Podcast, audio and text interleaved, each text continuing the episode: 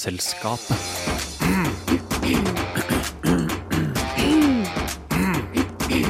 Vitenselskapet.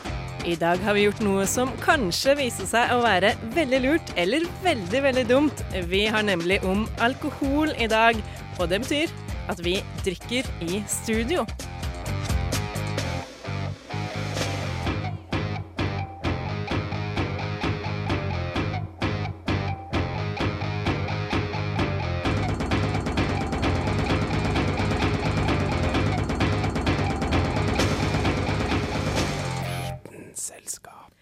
Velkommen til dagens Vitenskapet.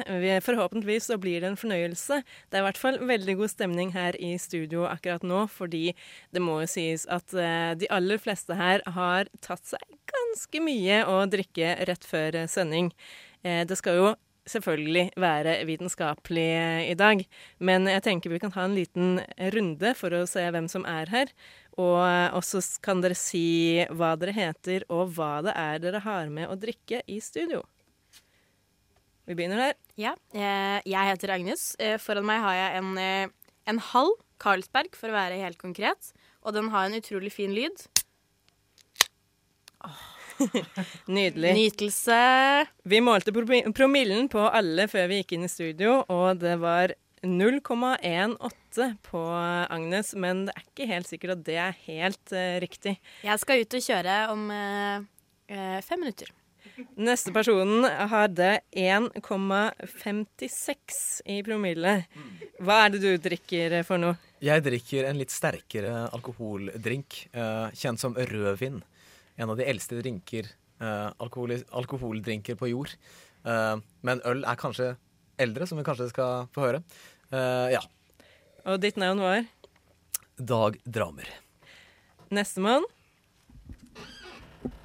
Hei, jeg heter Lise. Eh, Jeg drikker eh, i dag en drink som heter Lennart. Det er da med dansk eh, pærekonjakklikør, som heter Santé. Og litt sprite og sånn. Lise er tydeligvis kjenneren i studio her i dag, med en promille på rundt 1,35. Og Antageligvis. utdannet bartender, da. Det skal Ja, også nevnes. det skal sies. Oi. Jeg heter Johanne. Eh, drakk tidligere Hans Lite. Lite på kalorier, ikke sant? På kroppen. Og eh, går over til Bloody Mary straks. Så jeg gleder meg til. Du hadde 0,585 i promille, som ikke er så aller verst. Men du burde ikke kjøre noe, tenker jeg. Nei. Og så sistemann her. Carl heter jeg. Jeg kjører en god gammeldags Tuborg. Men eh, Det er litt kleint å begynne sendinga slik, men unnskyld meg, jeg må bare på do. Den Rett, rett gjennom meg. Ja. Eh, det er vel eh, Hvis vi skal ha det vitenskapelige på det, så er det vel det at det er vannlatende. Vanndrivende. Veldig vanndrivende. Veldig vanndrivende. Ja. Eh, mitt navn er da Kristin, og mitt, min promille er 0,0000. Ja. Det er litt kjedelig. Men eh, noen må styre teknikken her også. Eh, og vi har noen spesielle regler her i kveld. Og det er at når eh, Lise ringer med denne bjella, så skal alle skåle, og da skifter vi tema. Så vi kan ta én test.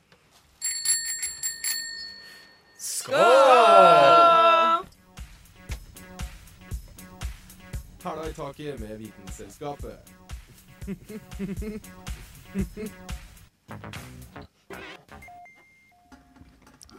Vi er jo selvfølgelig vitenskapet, og vi er vitenskapelige også, selv når med over én i promille. Eh, Så derfor skal vi snakke litt om hva som skjer i kroppen når man drikker. Eh, Og Johanne, du har funnet ut litt om dette her. Ja, jeg vet ikke hvor vitenskapelig jeg er nå, men vi får bare kjøre på. Se hvordan det går. Eh, jeg har da lest meg litt opp om eh, dette her, og først og fremst, det vil jeg alle her skal vite, alkohol er drugs. Og drugs, drugs are bad, OK? Men eh, det som skjer, eh, kjemisk i hjernen, er at alkohol hemmer nevrotransmittere. Og det er jo de som gir beskjeder og signaler i hjernen, eller eh, ja, blant nervecellene. Og, eh, og da er det De hemmer Det er to som kommuniserer. To kjemikalier. Vil du si at alkoholen allerede har hemmet uh, disse neurotransmitterne i hjernen din? Ja, for jeg må tenke veldig grundig, gjennom hva jeg skal si, før jeg klarer å si det. at det stemmer ikke helt. Men la meg, ok, jeg begynner på nytt. Det er to kjemikalier som på en måte styrer nevrotransmittere i hjernen, som heter uh, GABA og galamitter. Og GABA blir senket når du drikker alkohol. Eh, og se på det som en sånn binærkode som styrer hjernen. At den ene øker på en måte din eh, impulsivitet, og den andre senker den. Og når GABA blir senket, så er du, du har mindre motsetninger, og du er mer avslappet. Men du fremdeles tenker relativt klart, men du tenker på ingenting. Så du er klar på ingenting, er egentlig liksom det som skjer. Så du får en slags tomhet da når du drikker alkohol? Eller? Ja, det? kan du si. Og du husker mindre, og du oppfatter mindre, og du ser mindre. Så det, er veldig, det svekker veldig Fordi alle, alle nevrotranseptorene, de blir, de blir sakte. Ikke sant? Alt går sakte. Overarbeidet. Slow. Overarbeidet. Ja. Eh, nå, har du, nå kjenner jo dere det på en måte på kroppen. Eh, høres det ut som noe som man egentlig har lyst til å gjøre? Å bli helt tom? Ja. Ikke fra utsiden, tror jeg. Ja. Det er så mye annet som skjer også. Og det er det som er gøy. Altså, alt blir jo mer morsomt. Så- For eksempel, jeg foretrekker jo en eh, real uh, hangover. Vet ikke om dere. Du foretrekker det, Agnes. Det er svært mange som ser er at det er ulempen ved å bli full. Renselsesprosessen. Men det er ikke så fan av hangover. Altså. Det. Det er gift, da. Det, la oss ikke, det skal ikke være tvil om det. Det er gift. Og når du drikker det, så begynner kroppen å jobbe mot det og skiller ut enzymer for å angripe giften. Og, det har også bi og den, øh, de enzymene som kroppen skiller ut, bidrar også til at du, gjør, at du blir mer klein. Dancing with the devil, som jeg liker å kalle det. Yes. Ja. Det er jo slik at vi skal snakke litt om eh, bakrus, denne straffen for eh, dette eventyret vi har begitt oss ut på. Vi skal snakke om det seinere i sendinga, eh, men eh, aller først så skal vi eh, ha et eksperiment som jeg og Lise har gjort, og det skal dere straks få høre hvordan gikk. Vite vet Vitenselskapet.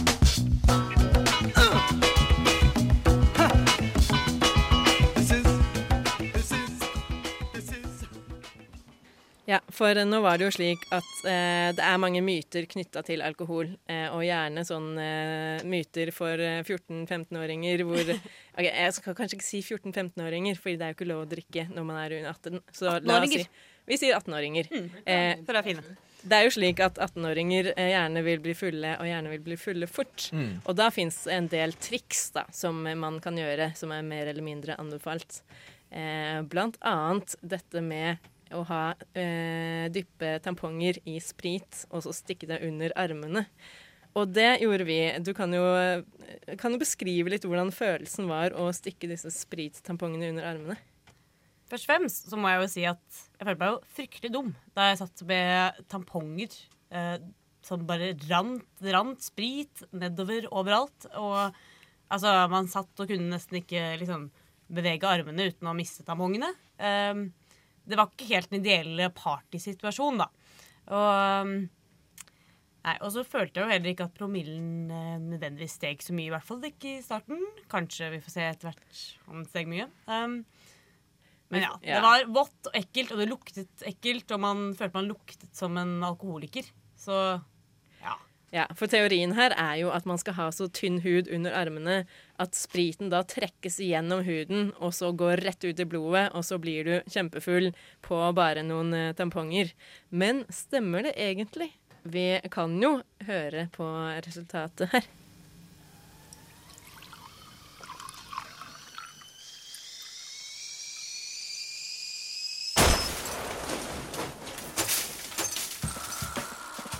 Vitenselskapet eksperimenterer. Da har det gått ca. ti minutter. Vi eh, sitter her, og jeg føler jeg er kanskje litt grann sår under armhulene, men mer litt sånn utilpass. Jepp. Jeg, jeg føler meg ikke full, i hvert fall. Nei. Jeg føler meg egentlig ikke påvirket i det hele tatt. Um, Nei, det kan jo hende at det er en del placebo når man er 14-15-16 år og skal bare bli full kjempefort og bruker alle midler tilgjengelig, og så heiper seg selv opp og tror at man faktisk blir full. Men vi får se hva vitenskapen sier når vi skal måle med promillemåler. Ja. ja. Hvis jeg klarer å få den på. Der, ja. Nå skal man da blåse i den her da, når den er ferdig å telle. Ja. To, én Oi.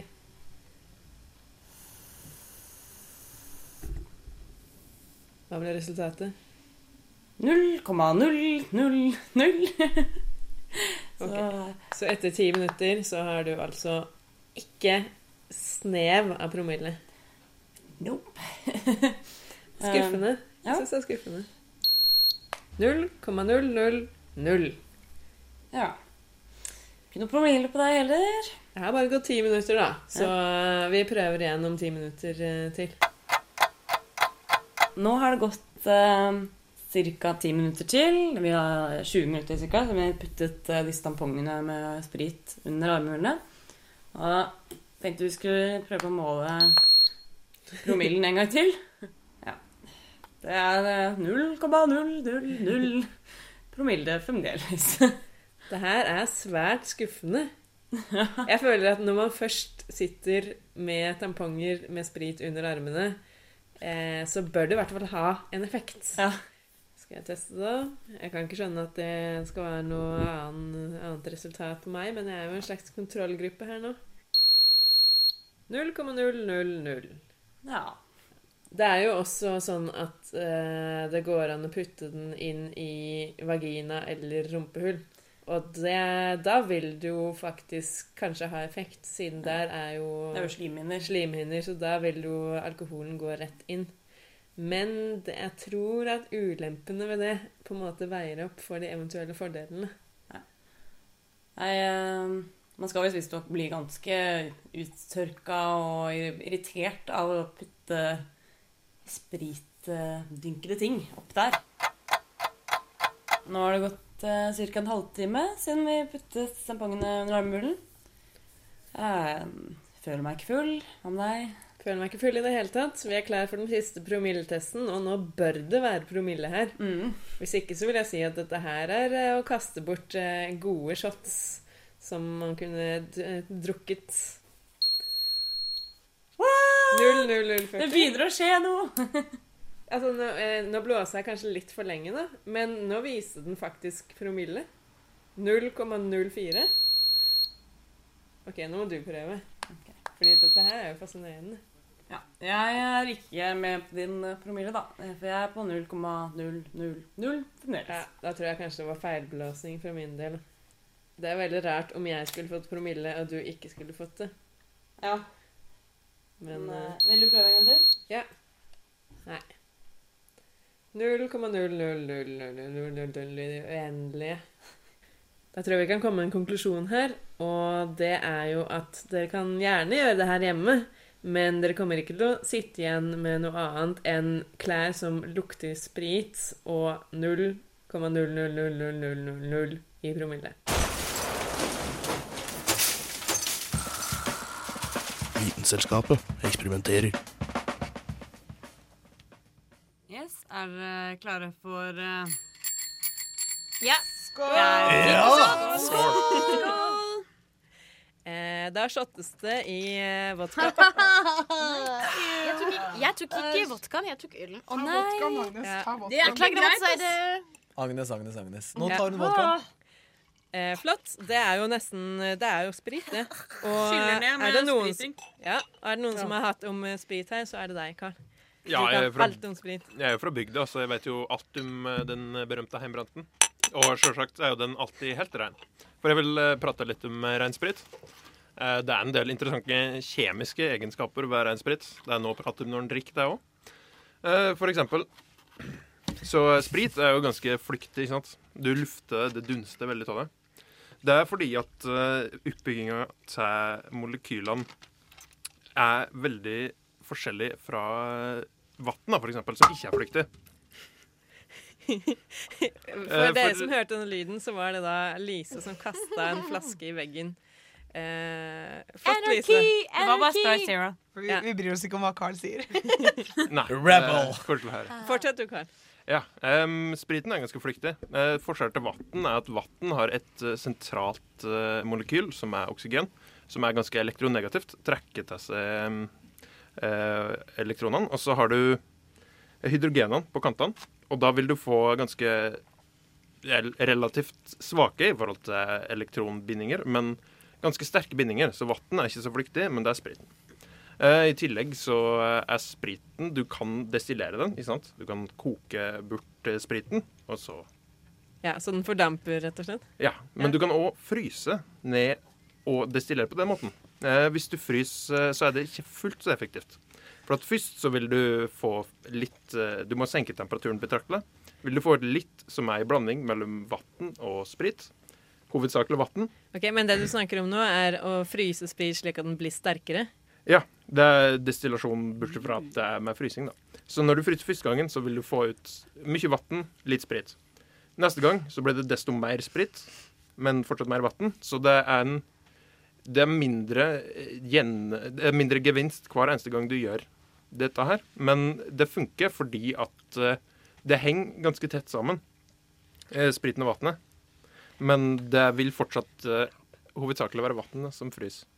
Men eh, spørsmålet her, som eh, alle stiller seg, er vel eh, Kan du da fryse en flaske med vin, eller liksom nesten fryse den, og så på en måte skrape bort det som er is, og så fryse den igjen, og så til slutt sitte igjen med ren alkohol? Blasfemi, Kristin. Blasfemi. Eh, ja, du vil ikke sitte med ren alkohol, da, fordi det vil være alltid litt vann. Men det vil bli sterkere og sterkere, men du vil ta ut mer og mer alkohol hver eneste gang du fryser den. Elise, du hadde jo smakt uh, 9-6, hadde du ikke? 96% alkohol. Ja, det smakte jeg på en bursdagsfest en gang. Uh, det var ingen hyggelig opplevelse, egentlig. Eh, jeg tok shotten siden jeg ga etter for presset, og fant ut at dette her er ikke noe jeg har lyst til å svelge.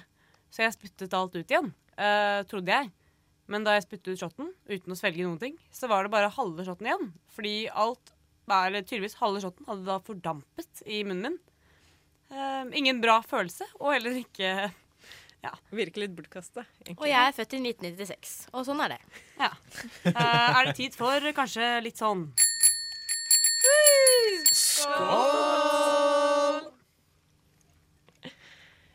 Men eh, nå skal vi over til en litt annen form for alkohol, og ikke en sånn som kan drikkes. Fordi eh, du, Agnes, har jo lest deg opp på eh, alkohol i pilleform. Er det mulig?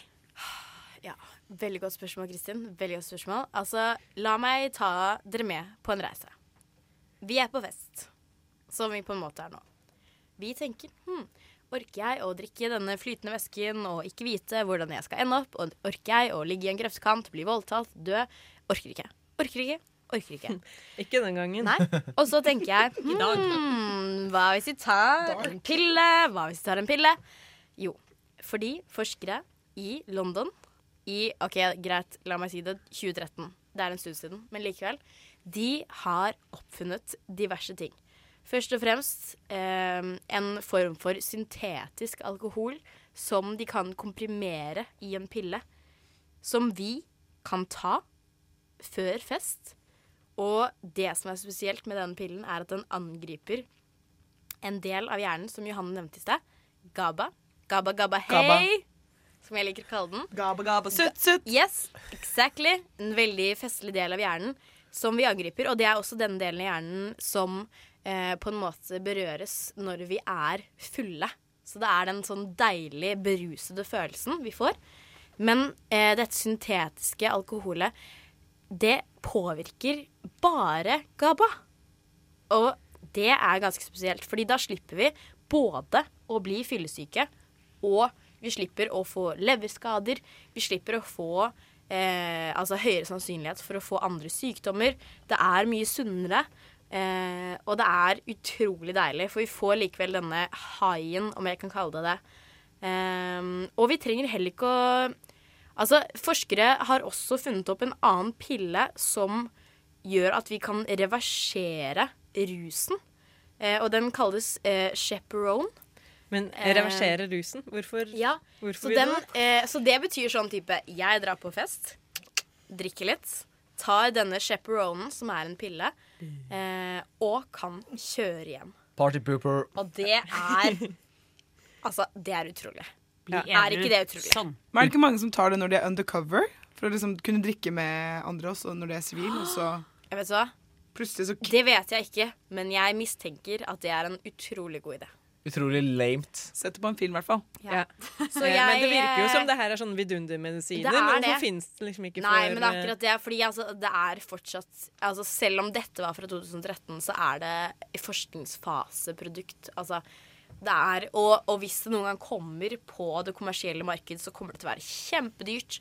Så det kommer bare til å være de, altså, de rikeste som kommer til å benytte seg av Ikke det. dyrere enn Så drinker vi, på byen. så vi, altså. med andre ord, vi kommer til fortsatt å sitte i en grøftekant med en Tuborg, liksom. Og det er trist, men det er også hyggelig at andre Nei, det er hyggelig. det er også hyggelig at eh, overklassemenneskene kan, eh, kan nyte denne oppfinnelsen. Jeg elsker det.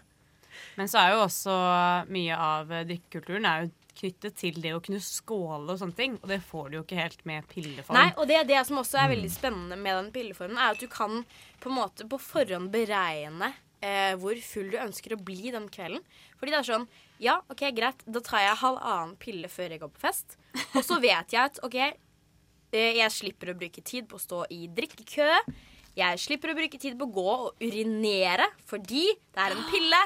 Herregud! Og jeg må jeg, jeg beklager å måtte si det, men min blære er allerede overbelastet etter denne lille halvtimen i et studio.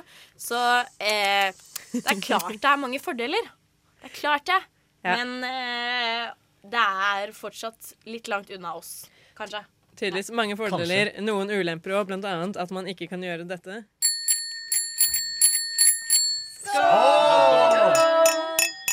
Eh, ja, vi drikker jo Altså, Agnes og eh, Carl sitter jo med ølbokser som de drikker av.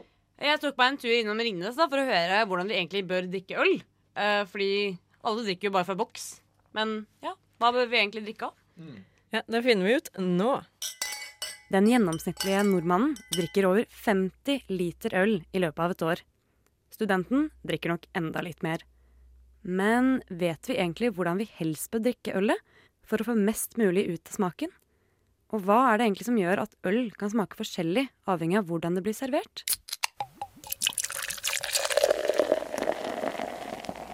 Jeg har tatt turen innom Ringnes for å snakke med ølsommelier Emma Bjørke for å snakke om dette forfriskende brygget vi er så glad i, og hvordan vi helst bør drikke det. Jeg syns jo at øl skal drikkes fra glass, fordi det har ganske mye å si for hvordan man opplever øldrikkingen. Selvfølgelig kan man også drikke fra boks og flaske, det er ikke noe galt med det, men du får eh, mer ut av eh, opplevelsen eh, når man bruker glass. Ok, så første steg til bra øldrikking å drikke fra glass. Men ikke hvilket som helst glass. Til pils og, og hveteøl og litt sånn lette, lyse, forfriskende øl, så vil vi gjerne ha noen høye, slanke glass. Og det er fordi vi skal få plass til eh, skumdannelse. Skummet bevarer friskheten i ølet. Så det legger seg på en måte som et lokk oppå ølet og gjør at det holder seg friskt og holder på kullsyren. Et sånt høyt, slankt glass vil også, eh, når du drikker, treffe bak i ganen, sånn at det blir veldig lett å drikke. At du kan drikke det fort, som jo gjerne er noe av poenget med den type øl, som skal være en sånn forfriskende drikke.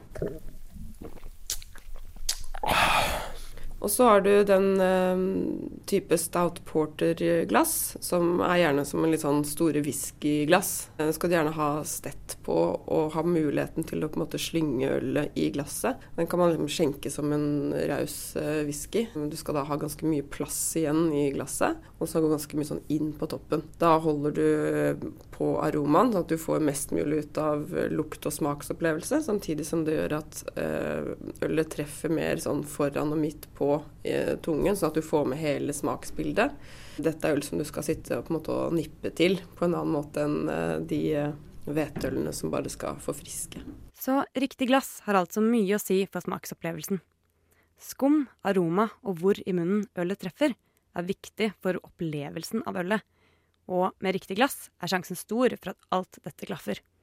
Men smaksopplevelsen påvirkes også av om glasset du drikker av, har blitt vasket riktig. Hvis de er vasket i maskin med f.eks. melkeglass eh, annet med fett, så vil det sette seg en hinne på innsiden av glasset som vil ødelegge for skumdannelsen. Gjøre at ølet kan bli litt eh, flatt. får en annen, eh, annen type bobler i, i ølet, og, og, du mister lettere den friskheten, da. En annen viktig ting som spiller inn på skumdannelsen og frigjøringen av aroma, er selve skjenkingen av ølet.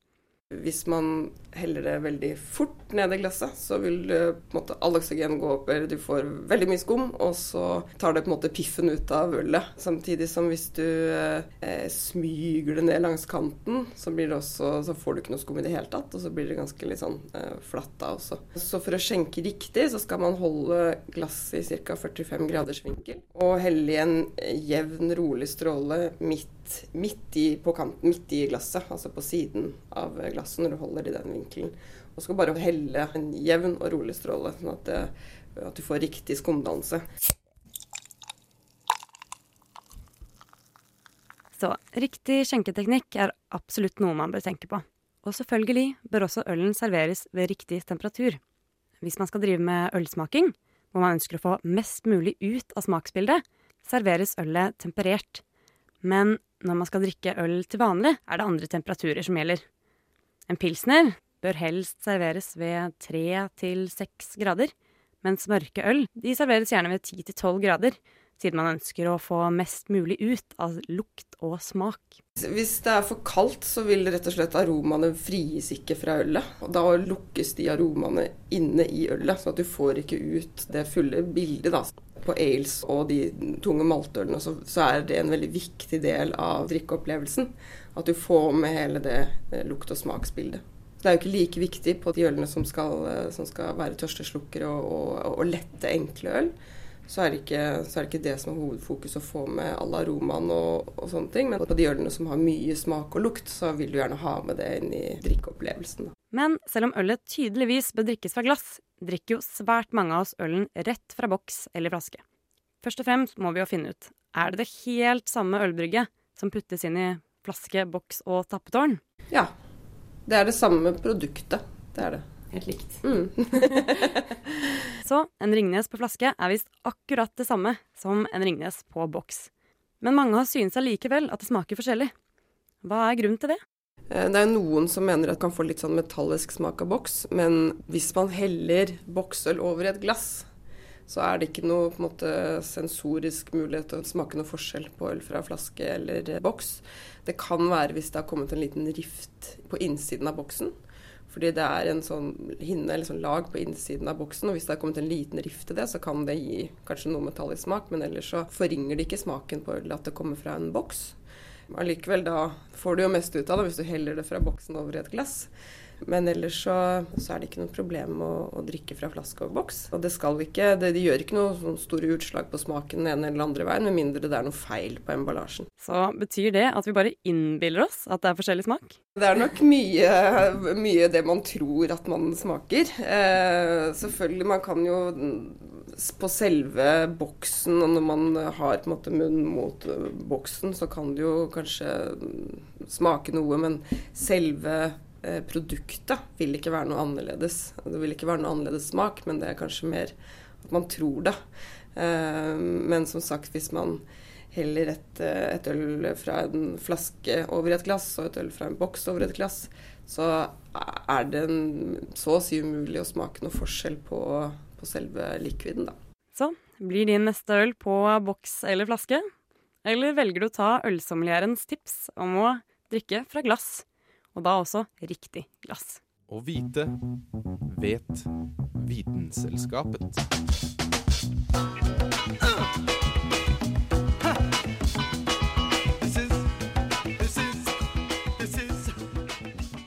Da har vi jo så vidt vært inne på det, men det må jo nevnes den straffen man får for å ha det sosialt, eh, nemlig bakrusen. Og vi skal høre et innslag lagd av Hanne Grydland her nå.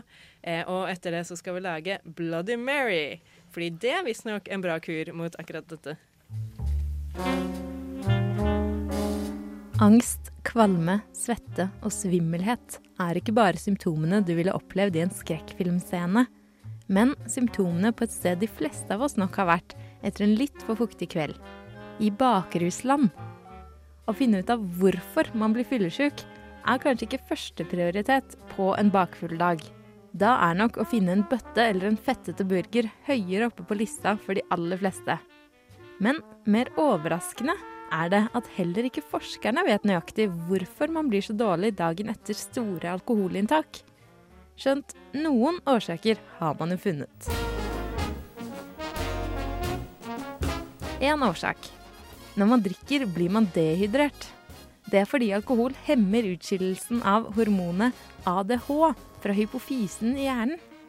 Det fører til at nyrene ikke får signaler om å holde vann i kroppen, og mer vann enn normalt skilles ut gjennom urinen. Det fører til hyppigere dobesøk, og man blir dehydrert dagen derpå. Noe som kan forårsake svimmelhet, tørr munn og tørste. Altså kjente bakrussymptomer. I tillegg kan den hyppige tissinga føre til at man støter ut mange mineraler og salter fra kroppen. Dvs. Si, kroppen får vansker med å opprettholde elektrolyttbalansen. Det kan føre til at man dagen etter sliter med væskeregulering og muskelaktivitet. En annen årsak? Alkohol inneholder urenheter. Altså stoffer som er produsert under fermenteringa av alkoholen, men som ikke er etanol. Disse urenhetene bidrar til alkoholens smak. Men det er også blitt antyda at noen av de aromagivende stoffene kan forårsake bakrus. F.eks. er metanol en urenhet som finnes naturlig, men i veldig små mengder, i vanlig alkohol, altså i etanol.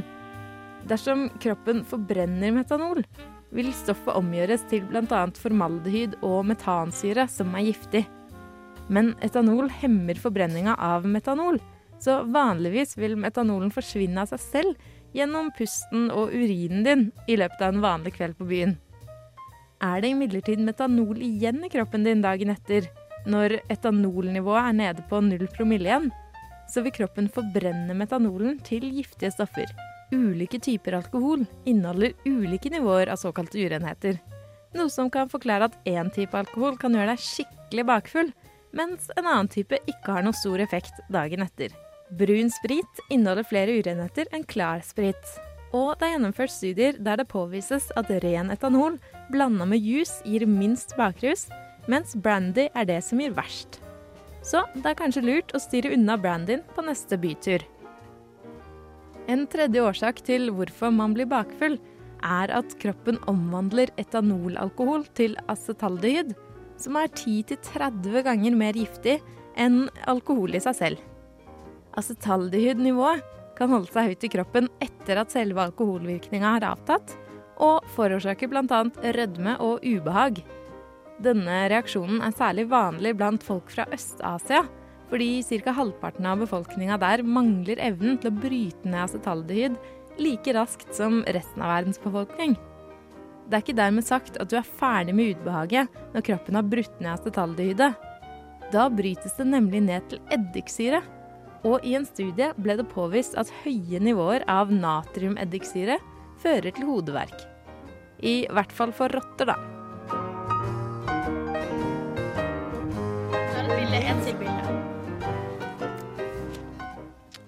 Det var da altså om bakrus, og vi har da kanskje den ultimate hangover-kuren. I hvert fall så er det mange som sverger til det, nemlig Bloody Mary. Og da skal vel vår lokale, ekstremt lokale bartender mikse en Bloody Mary. Hva er det du gjør, Agnes? Nei, Lise. Lise? Sorry. Mm. Jeg Um, skulle tro at jeg ikke var uh, edru. Det er ikke noe kork på. Du er moren vår. Beklager bra. å måtte si det. Jeg ser ikke hva jeg driver og mikser, så jeg satt og prøvde å skru av korken og bare Hva er det som skjer? Og så var det jo ikke kork på. Men ja. Er det Bloody Mary. Nå følger jeg da en uh, oppskrift som var uh, greit i uh, UK. Det her er ikke greit i Norge. Så, eh, for her er det da 50 milliliter med sprit. Be prepared. Så det her får du ikke sånn du får på en norsk bar, da. Ja, Så her får du ikke norsk bar, for i Norge så er det bare lov med 40 En knivspiss, eh, en knivspiss med sprit eh, og ca. Du fikk 100 liter sånn vann. sånn 60 milliliter nå, da. Men det får vi bare overleve. Um, ja, så det er vodka. Så er det litt grann tomatjus. Eller ganske mye tomatjus, egentlig. Og så isbiter. Og isbiter. Vi må selvfølgelig ha isbiter. Alle liker jo kald drikke. Altså, det er jo det man må ha. Mm. De eh, putter eh, grei mengde tomatjus oppi. Ja, nesten til Og så er det det som gjør, eh, virkelig gjør at da eh, Bloody Mary virker så Eller s- vi- hvis stokk skal virke som en eh, recovery drink, er det alle disse rare tingene man putter oppi etterpå. Det er eh, blant annet eh, Worcestershire sauce, eller Mm. ju- ja, som er da Herregud, hvis jeg får den opp. Um, You ja. can't do it. Der. Fi, finmotorikken går også ned når du Ja, konsumerer de, alkohol. det går ned, altså. Prøv å ta med god dash. tre bra dasher med det. Mm. Og så skal vi Åh, det lukter jo ikke bra. Altså fire dasher med tabasco. Som- ok, den er- Spicy! Spicy! Men med korken sitter jo helt fast. Sånn. Der. Der fikk jeg den opp. Excuse me for party rocking, sier nå jeg. Ja. Godt poeng, Agnes. Så her er det da Worcestershire sauce, som har eddik i seg. Og så er det tobasco. Og så er det sellerisalt. God gammeldags sellerisalt. Av det.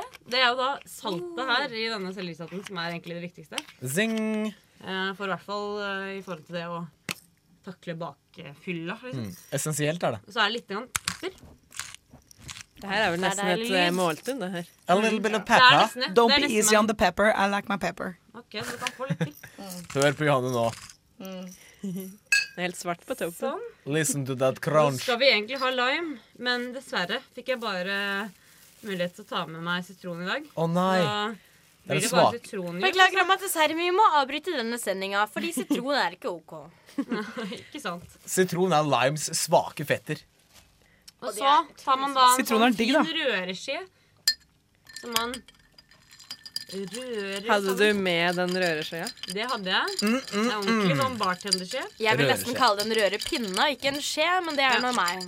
Det Det er i alle fall rutt. Å, det er skje på ja. men det er bare Beklager, jeg beklager. Jeg tok feil. Det er Og så putter du oppi vet du, Veldig rutt. en sånn Selleri! selleri Celery. garnish. Men Selleri. eh, hvorfor er det den her skal funke, da? Jo, greia er da at uh, den her inneholder da mye grønnsaker. Du har selleri, du har uh, tomat. Eh, og det skal virke um, bra for magen. Fordi magen kan jo bli litt utsatt etter å ha fått seg litt for mye Tequila-shots. For eksempel. Oh yeah. Så da skal det være bra å få i seg masse grønnsaker. Og så har du også da sellerisaltet, som da obviously har i seg salt. Eh, og det er bra for å Jeg vet ikke helt åssen det fungerer, for helt ærlig, men det er noe med elektrolytter og litt sånne ting. Jeg tror du binder vannet. Utrolig Ja, typisk elektrolyttene. De der, altså. Ja, fy faen. Ja. Jævla elektrolytt. Så det å få i seg salt og sånn, det er jo tydeligvis bra. Det er kanskje derfor man får craving på potetchips eh, dagen derpå. Å, det gjør jeg. Det gjør jeg. Men jeg tar på meg en sipp nå. Yes, du får teste, Johanne. Har du, spist, har du drukket det før? Jeg har drukket uh, Bloody Mary. Om jeg har drukket Bloody Mary før. Herregud. Det Crunch, var crunch, crunch. Var det bra? Sellerien var perfekt. Bloody Maryen var enda bedre. Kjempegodt. Er det bra? Er det Bra, bra? godkjent. Og forhåpentligvis så kommer ikke du til å uh, bli veldig dårlig dagen derpå. It's too late for that, I'm afraid. Too late Vi to andre, apologize. dessverre. Vi kommer til å ha det hardt. Eh, helt forferdelig grusomt hardt. Vi gjør nok det. Eh, vi får ta en eh, liten skål, da, kanskje.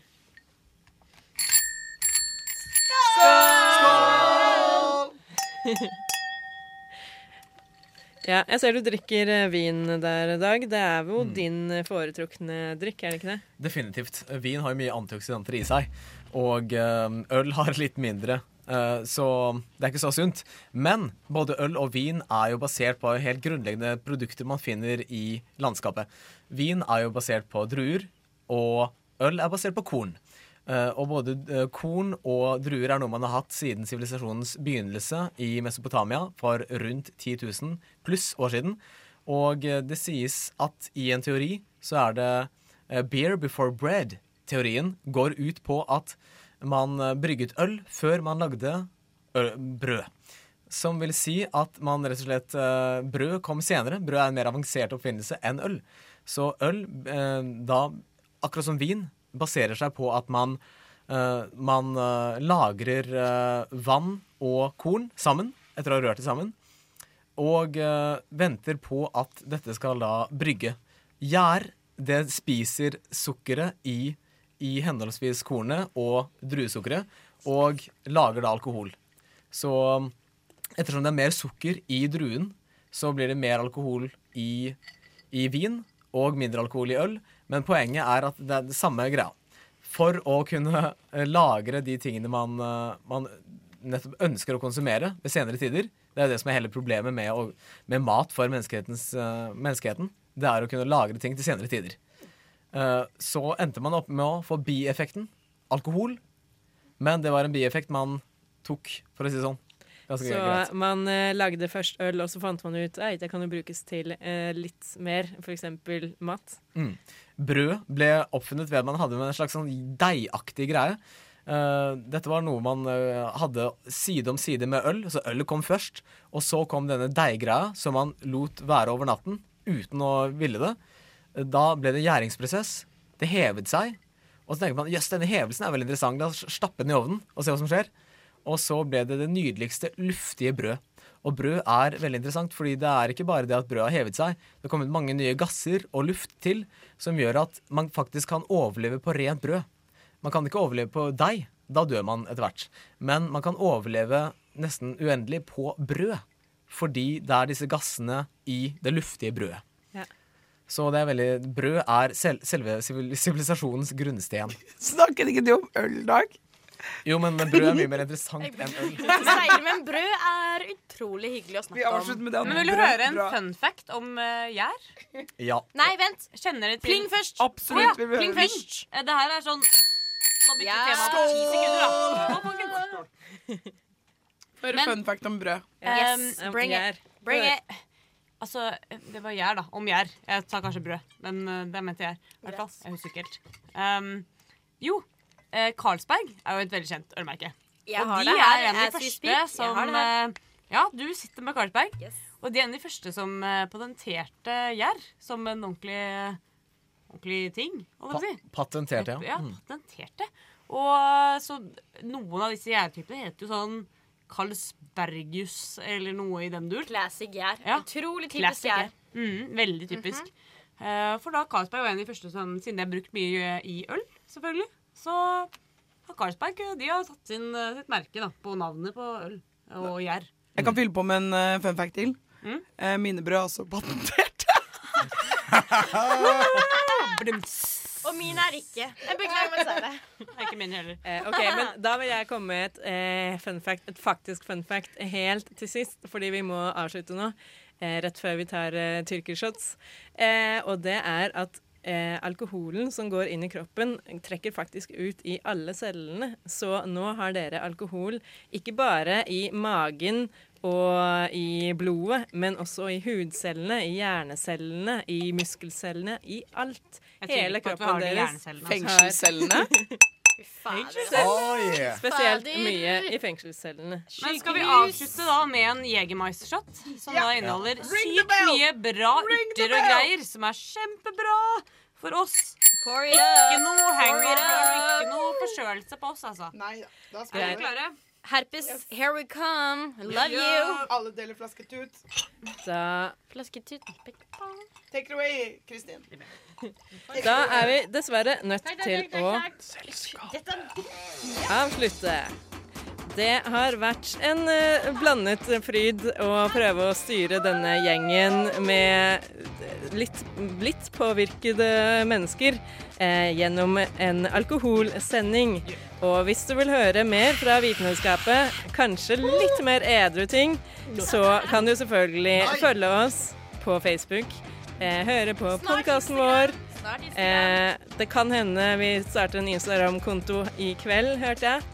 Eh, generelt, følg oss på alle sosiale medier. Eh, Og si bare skål, egentlig. skal dere si skål? Ok. Jegermeister. En siste skål. En, To, Tre! Nostrovia! Selskapet.